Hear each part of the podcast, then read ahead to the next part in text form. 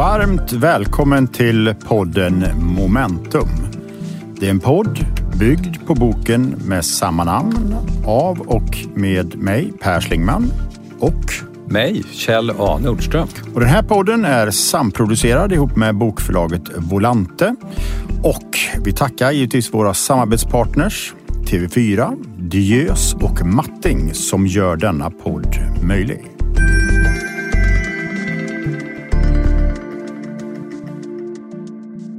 Och då hamnar vi raskt i vårt första moment som vi alltid brukar ha med, som vi kallar för mikro, där du och jag har varit ute och spanat på tillvaron för att se om det finns några små observationer som kanske säger någonting om vår samtid. Och vi ska börja här med ett klipp från The Economist, en brittisk mycket högnäst publikation. All my possessions for a moment of time. Those, supposedly, were the last words of Elizabeth I, who, as Queen of England, had enough possessions to be one of the richest women of her era. Ja, här ligger alltså Elisabeth I för döden och önskar sig en dag till. Eh, vad vi har sett nu är ett eh, ökat intresse för att förlänga livet. Och nu dyker de entreprenörer upp som springer ur Silicon Valley upp på det här området med samma intensitet. Och det är inte Elisabeth den första som står för finansieringen utan det är Peter Thiel, en av personerna bakom Facebook. Det är eh, Sergej Brin, en av personerna bakom Google och många av the usual suspects som man brukar säga. ser vi även i Sverige med Spotify-grundarna. Som ju har startat en klinik där man kan då skanna sig på 15 minuter och få resultat ganska direkt. Definitivt också Martin Lorentzon som ju är, förutom Daniel Ek, den andra grundaren som är väldigt, väldigt fokuserad just nu på precis de här frågorna. Hur kan teknologi förlänga våra liv?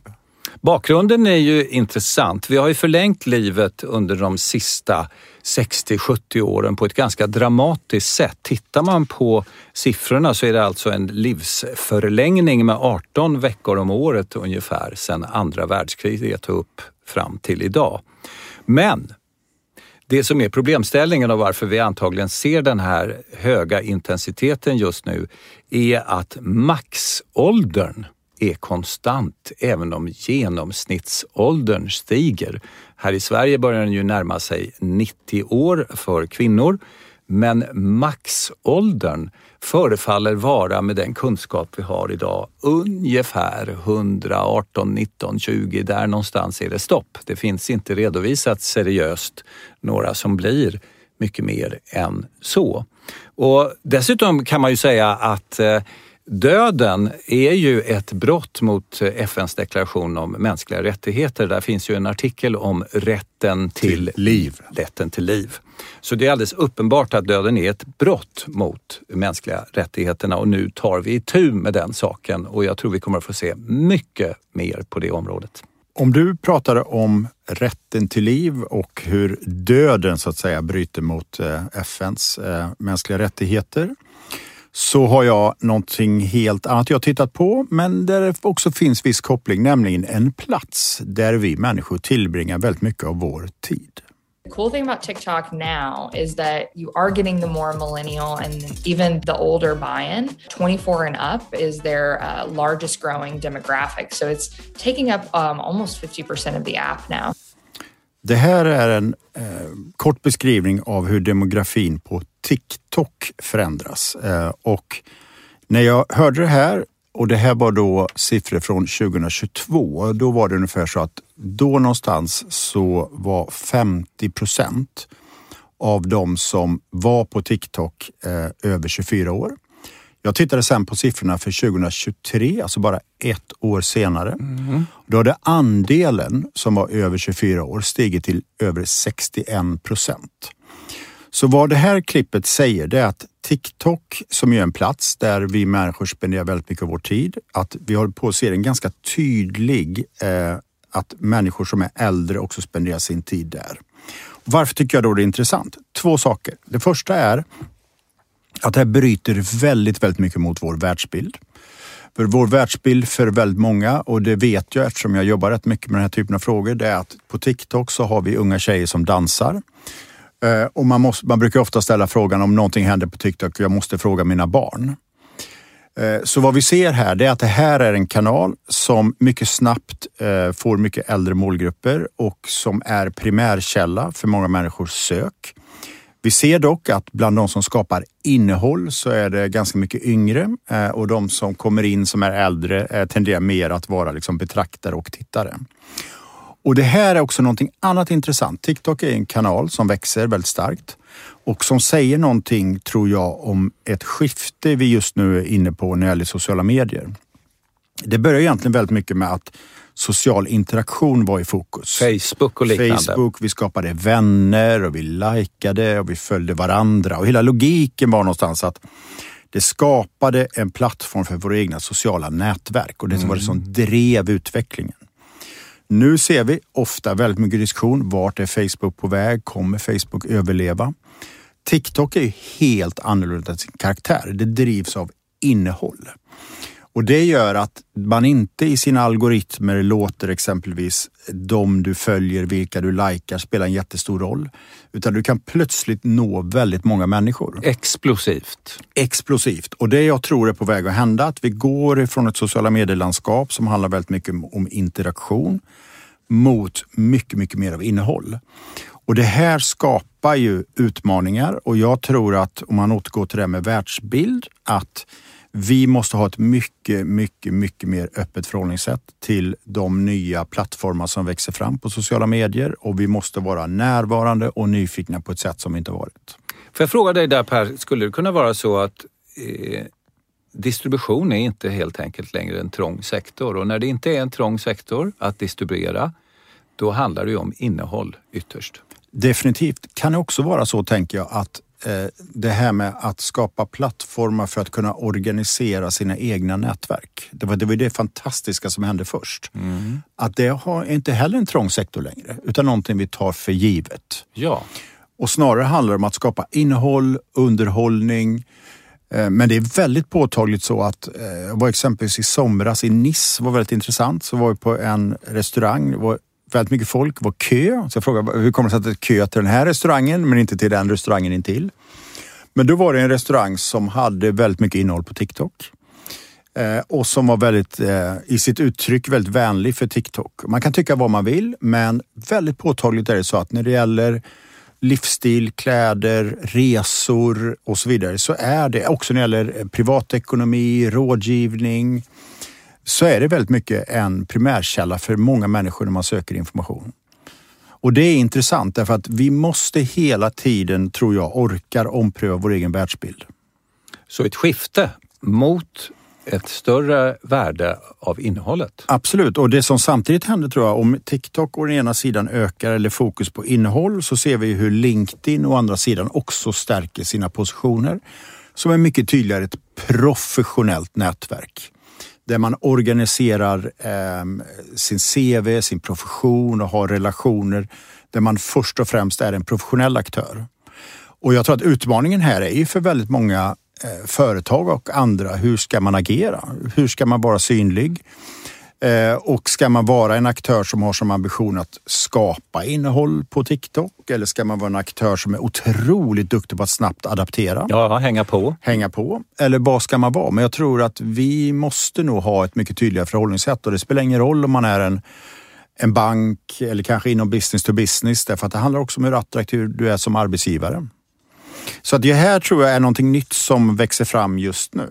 Intressant. Vi kommer mm. helt enkelt att få se mer av innehållsproducenter. Och vi kommer att återkomma till det även i den här podden. Jag är alldeles, alldeles övertygad om. Det är jag också. Men jag tänkte nu att vi kanske skulle gå tillbaka till ett tema som är väldigt kärt för oss tidsmaskinen eller tidsresan? Ja, vi skrev ju en bok där den där maskinen kom att spela en ganska central roll. Eh, på engelska hade vår bok en väldigt ambitiös undertitel. Pretentiös skulle jag vilja säga. Till och med pretentiös undertitel. Den eh, hette då Corona Express, boken på engelska, samma som på svenska. Men undertiteln var An Essay on Time Travel. En liten handbok i hur man reser i tiden helt enkelt. Och varför kom den att heta det? Ja, några av er kanske har läst eh, den där boken eller läst sammanfattningar av boken och då vet ni att vi argumenterar Per och jag helt enkelt för att vi, människorna, är en ganska lat sort. Apan är lat som vi brukar säga när vi raljerar. Ehm, vi är satta i någon sorts tillstånd av permanent energispar och gör inte så mycket om vi inte måste.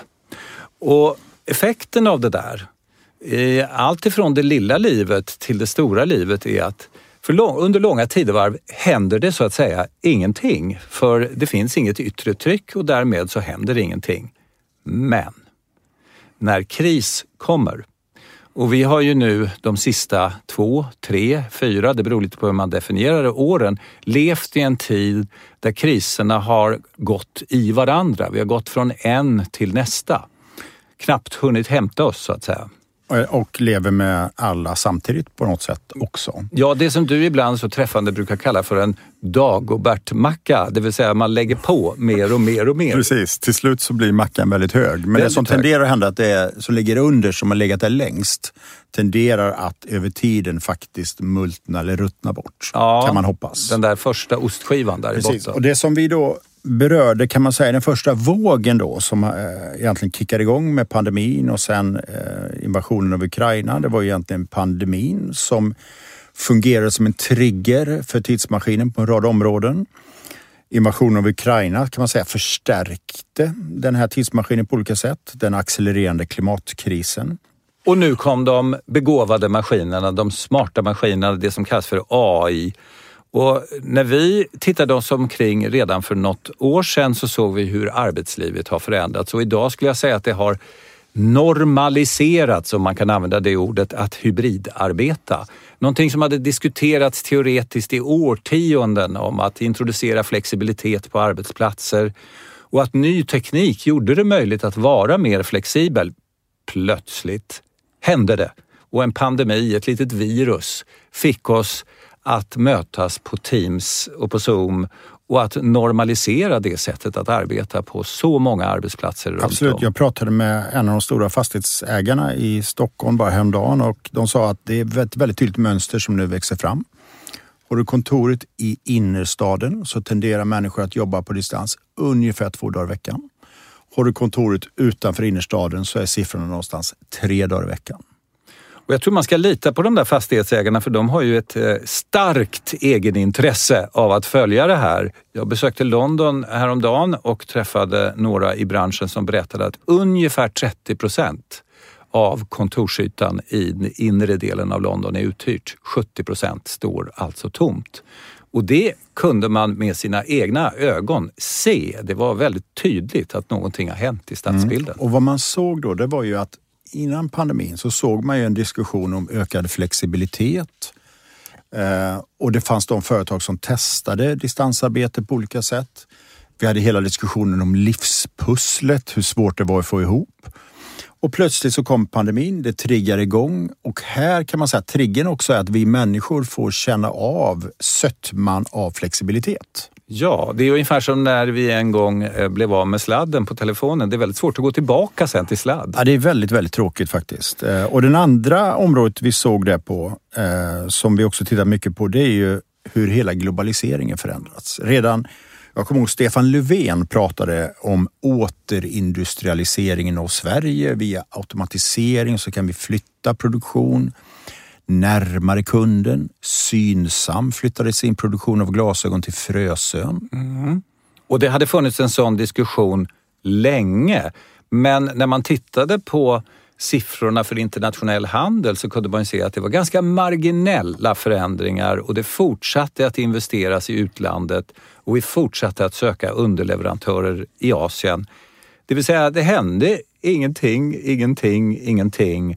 Sen kom en trigger. Då händer allting. Och då hände allting. Och det här kan man säga då nästa nivå. Om man säger att den första vågen kom in med pandemin och kriget i Ukraina med tidsmaskinen. Väldigt tydligt det som var på väg att hända. Städerna, det finns så mycket som helst att nämna där.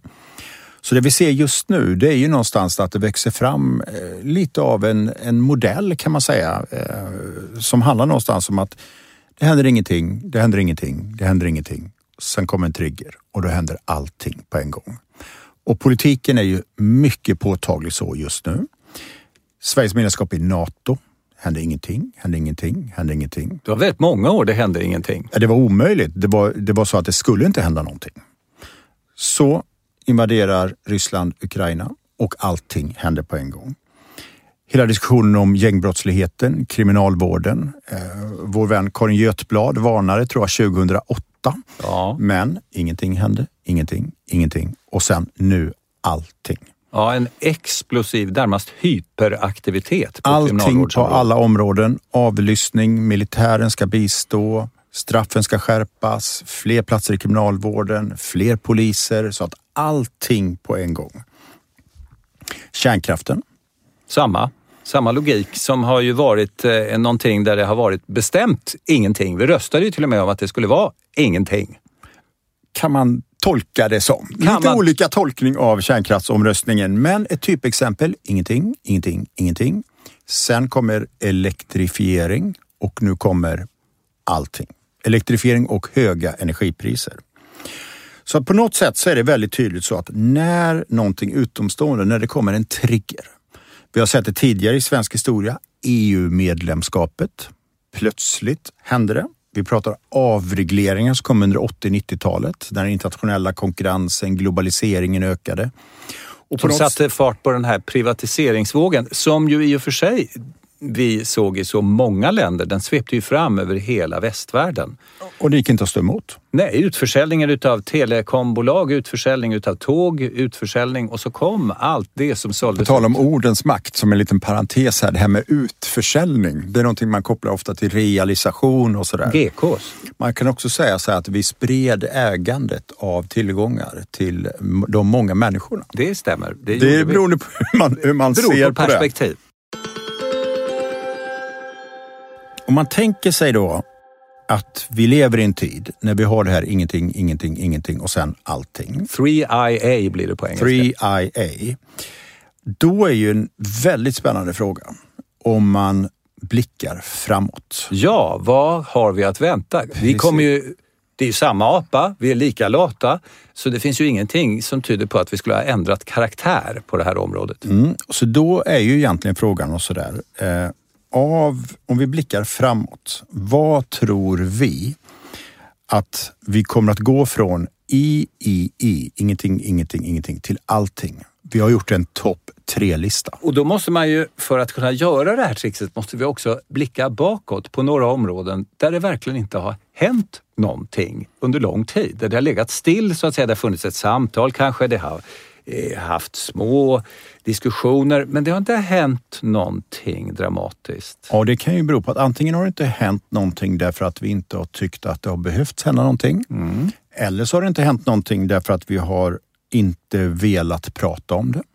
Men som sagt, vi har vår lilla topp tre-lista. Vi Ja. kommer även ha några små bubblare. På plats nummer ett. Svenskt medlemskap i euron. Där kan man ju säga att det inte har hänt så mycket under lång tid. Det var ju en eh, folkomröstning. Därefter hände ingenting. Så kommer en svag kronkurs, en försämrad konjunktur och ett allmänt osäkert läge. Vad händer då? Ingen vill vara i en liten båt brukar jag säga när det är dåligt väder och små valutor som svenska kronor, norska kronor, eh, nyzeeländska valutan är en liten båt. Och vad vi börjar se nu det är att inte, inte bara börja röra sig bland exempelvis Centerpartiet och sådär utan att fler faktiskt initierar en diskussion om frågan. Och här skulle då samma sak som vi har sett på många andra områden kunna hända. Allting på en gång. Ett snabbt medlemskap, det är vad du säger. Precis, då finns ju en fråga som jag tänkte att du är ju ändå doktor i ekonomi Ja. som brukar komma som ett motargument. För att även om man då är för ett svenskt medlemskap i euron så tänker man så här att men vi vill ju inte låsa den på den svaga kronkursen vi har idag. Att gissa valutors rörelser är någonting man ska avhålla sig från om det inte är något fel på en. Det brukar inte Eller gå. om det är Victoria Silvstedt som handlar med valutor. Mm. Och då ska jag inte säga något mer om Victoria Silvstedt i det här sammanhanget, men att gissa valutor brukar vara någonting som man kanske ska avhålla sig ifrån. I vart fall om det gäller att gissa över lite längre tidevarv, men även kortare. Men också att, att om vi tydligare börjar röra oss i den här riktningen och eh, där det blir tydligt för marknadens aktörer att vi kanske kommer att ansluta oss till euron, att det skulle förstärka kronan. Det är mycket troligt att det gör det, men jag använder orden mycket troligt. Mycket troligt. En ekonom med hängslen och livremmar. Ja. På plats nummer två. Legalisering av lättare marijuana i Sverige. Och triggern är i det här fallet den ökade brottsligheten. Vi har haft en våldsam diskussion med all rätta om gängkriminalitet, gängbrottslighet.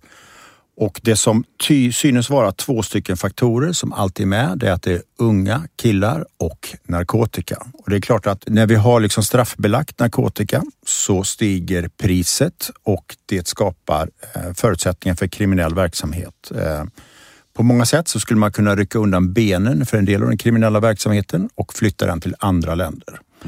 Det gör att på plats nummer två så hittar vi just den här frågan. Och där har vi ju sett runt om i världen ett antal experiment. Portugal, Tyskland är igång men nu när vi sitter här och pratar och söker lösningar på det här I området. USA en rad olika delstater. Ja. Så att rörelseriktningen är ju mycket, mycket tydlig. Att eh, är det någonstans vi går så är det i den här riktningen. Sverige har ju hittills stått emot och egentligen inte funnits någon seriös diskussion. Eh, Sara Skyttedal, ett väldigt bra exempel. ja, prövade sig. prövade sig eh, och om det var det helt och hållet det vet vi inte. Men hon kommer inte kvarstå på plats nummer ett på listan till Europaparlamentet. Och då minns jag något som du tidigt sa till mig eh, när vi förde den här diskussionen. Den som tar i den frågan är död. Till en början. Så det gäller att vara på rätt fas från det här ingenting, ingenting, allting. Och eh, triggern kanske måste bli ännu tydligare. Eh, men någonstans så har vi just nu en situation där vi söker alla, alla, alla svar på hur vi kan trycka tillbaka gängbrottsligheten. Det är klart att den här frågan kommer finnas i arsenalen framöver. På plats nummer två alltså legalisering utav marijuana. Plats nummer tre. Då kommer vi in på en helt annan fråga eh, som kanske också lite grann ur vår horisont är en liten förhoppning, nämligen att vi på allvar, och här kanske vi kommer få se det i en europeisk kontext, kommer se att priset på att vara skadlig mot miljön, alltså skatterna på det som är miljöskadligt, kommer att stiga dramatiskt. Ja, och då pratar vi egentligen om allting ifrån flyg till utsläppsrätter till bilens eh, roll i samhället. Nya material, vi kommer att eh, beskatta det på olika sätt. Jag såg precis i, i Amsterdam så har man väldigt experimentella idéer om att man, eh, man låter vissa människor få rabatter och man, och man handlar i så repair shops som är lokala och så vidare. Men all, allting som negativt påverkar och som, som liksom försvårar och bromsar upp omställningen kommer vi använda skattevapnet. Och snabbt och hårdare än vad vi har sett historiskt. För där skulle man ju kunna säga att vi har tagit små, små, små steg. Men om man höjer sig lite över diskussionen skulle man ju kunna säga ja, det här är ett område där det har hänt förvånansvärt lite om man tänker på problemets storlek och omfattning. Absolut. Och om man tänker så här att den omställning vi har framför oss kommer inte bara vara kostsam utan driva tillväxt. Då är det klart att den här typen av skatter skulle ju ändra hela vårt fokus. Skulle vi dramatiskt höja priset på exempelvis eh, utsläpp från flyget eller bilen med förbränningsmotorn så är det klart att vi kommer att anstränga oss ännu mer för att snabbare hitta ny teknologi och snabbare sprida ny teknologi. Och det som är trixet här ofta, det är viktigt att säga i det här sammanhanget, det är att eh, skatterna får inte vara för låga eller avgifterna. De får heller inte vara för höga utan det finns en fin linje emellan när de ger den här härliga effekten att de uppmuntrar till investeringar som löser problemet. Och eh, det är också så ska man säga att det här är ju en utmaning när vi lever i en global värld. Såklart att eh, och det är väl därför det är svårt för, ett e, för en nation och inte minst ett litet land som Sverige att tydligt gå före. Utan det här är någonting som rimligtvis kommer ske i en mer europeisk kontext. Mm. Eh, också måste bygga på att, att vi som konsumenter, medborgare och företag står bakom den här utvecklingen. Så om jag förstår det rätt så är det troligt att eh, den här allting-effekten här mycket väl kan komma från Bryssel? Det är nog så det måste vara. Mm. Eh, och i den bästa av världar så skulle det vara någonting som är ännu bredare såklart. Och det handlar väl i grund och botten om en det man brukar kalla för en grön skatteväxling. Att om man å ena sidan skulle göra så här, eh, vilket vi då tror ligger i tangentens riktning, så borde man ju motsvarande egentligen eh, radikalt sänka skatten på arbete, entreprenörskap, kanske på tjänstesektorn, på allt det som inte är klimatpåverkande. Men här har vi ju tre tydliga områden för de som är lite intresserade av framtiden där vi misstänker att det kommer att hända någonting och hända någonting ganska stort och snabbt. Och det kommer vara väldigt spännande för oss att 2033, eh, alltså om tio år, kunna blicka tillbaka och se, händer någonting? När vi sitter och lyssnar på podden där ja. Vi har ju också eh, några bubblare, eller några bubblare. Vi har en bubblare som väl är av mer det dystra slaget. Ja, och det är ju egentligen de krafter som vi ser i rörelse runt om i Europa i de val som har varit i Slovakien och i Polen. Precis, och vad vi ser där det är ju att om man tittar på Polen så är det ju ett land som har rasat ganska starkt i det vi kallar för demokratiindex. Mm. Det är ju en demokrati men med ett väldigt dominerande parti. Och där partiet, lag och rättvisa. Lag och rättvisa och där partiet använder sin ställning för att också egentligen styra mer av staten via partiet. Man blandar ihop partiet och staten eh, men också där man använder sin makt för att styra medierna. Eh, och är det någonting vi ser då tyvärr i tangentens riktning så är det ju en försvagning av demokratin. Mm. Och det är väl också någonting, man kan ställa sig frågan vad är triggern? Och triggern är väl rimligtvis att vi lever i ett samhälle där det finns så mycket dystra framtidsbilder, så mycket osäkerhet. Att den här typen av ganska enkla förklaringsmodeller och vinner starka stöd. ledare. Starka ledare. Upplevt starka ledare. Precis. Eh, den starka manliga auktoriteten. Ja. Så vad du säger är helt enkelt att vi kan förvänta oss ganska häftiga attacker på det som kallas jag säger för... Att det är, jag säger att det är en bubblare. Det är en bubblare? Den, har liksom, den ligger precis i början av ingenting. Mm. Första ingenting. Det kommer några ingenting till. Och Sverige skulle jag säga är nog i en bredare kontext mer motståndskraftigt, tror jag, med vår relativt sett längre historia av en demokrati en öppenhet. Vi är ett väldigt öppet samhälle, mycket internationell handel, eh, påverkas ganska mycket av intryck från andra länder. Men välfungerande institutioner. Välfungerande institutioner, hög tillit mm. so far. Så att, eh, men, det, men den måste ändå läggas på bubblaren tycker jag. Klar bubblare men dyster bubblare måste man ändå säga. Vi brukar ju ha en optimistisk ton. Vi, har, vi är ju i grunden optimister. Och, Oroliga optimister. Ja, precis. Och eh, topp tre-listan, eh, vi behöver inte ta ställning själva men man ser ganska tydliga rörelser. Och det hänger väl ihop med det med att vara ett, ett, ett ganska litet, öppet land med en egen valuta, ett eget språk. Vi blir ju väldigt påverkade av världen utanför oss, även om vi så att säga, förhåller oss mer och mer till vår egen del av världen. Det är väl antagligen så eh, på flera områden än valuta att vi kan bara hålla emot ett kortare tidevarv om omvärlden förändrar sig. Vi gör en liten parentes här. Jag vet inte om du minns det här men för jag vet inte om det kan vara, det är inte tio år sedan, men fem, tio år sedan så satt, eh, satt vi på en middag och så pratade vi om, eh, eh, vi gjorde inte en lista på Five things that will change the world. Ja, Kommer du ihåg det? Det stämmer.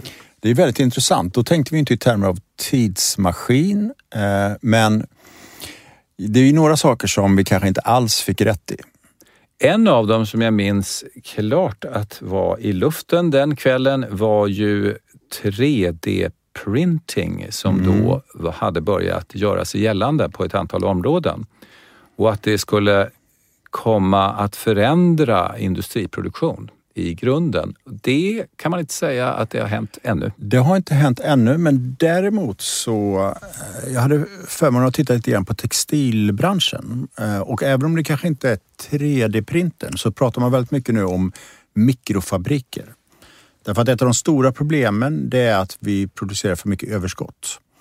Och idag så kan du industriellt producera på mycket, mycket mindre enheter till mycket, mycket lägre kostnader och du kan börja producera plagg on demand. Och behöver inte jobba med överskottsproduktion. Så det kan man väl säga att, att vår tro var nog att vi skulle gå från ingenting, ingenting, ingenting till allting. Men det har tagit längre tid, om det nu ens kommer att ske. Då pratar man ju också om att man skulle ha sådana här makers center. Vi pratade då också, om du minns, om fracking Fracking var Inom, på eh, eh, tapeten. för att eh, utvinna eh, energi.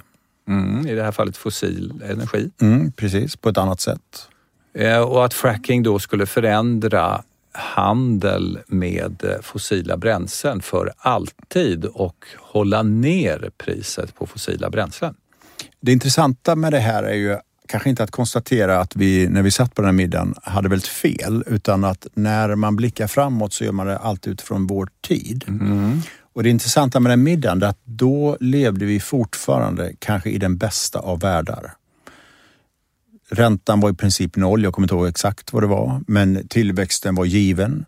Så då var vårt väldigt, väldigt mycket fokus på teknologi. Det var intressant att av de här topp fem så tror jag nästan att alla på topp fem var, handlar om teknologi.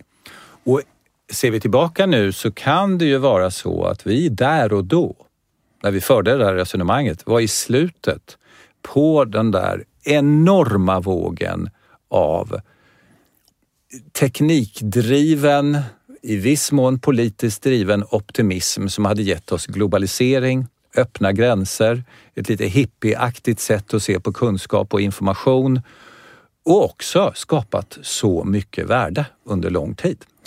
Men om man anlägger ett teknologiskt perspektiv på det här, ingenting, ingenting, allting, så är det klart att de, det finns de som skulle hävda att AI platsar in där. Vi hade ingenting, ingenting, ingenting, ChatGPT 4, allting.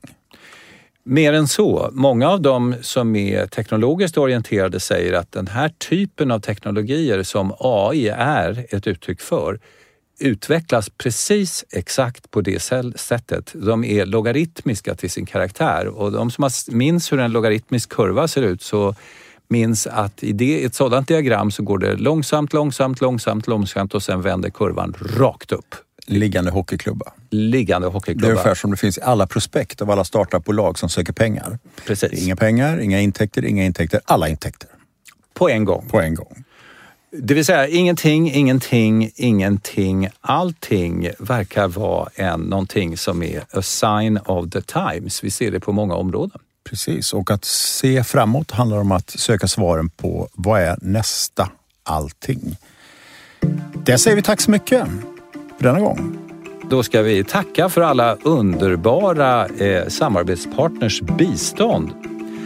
Och i den här omgången är det alltså TV4, Diös och Matting som är våra partners.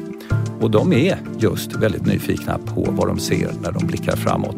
Och ni har nu lyssnat på podden Momentum av Kjell Nordström som sitter här mitt emot mig och Per Slingman Och vi har gjort den i samarbete med Volante. Och är det så att ni har olika händelser, förslag, förändringar som ni tycker kvalar in på topp tre-listan eller som bubblare så får ni väldigt gärna höra av er. Tack så länge.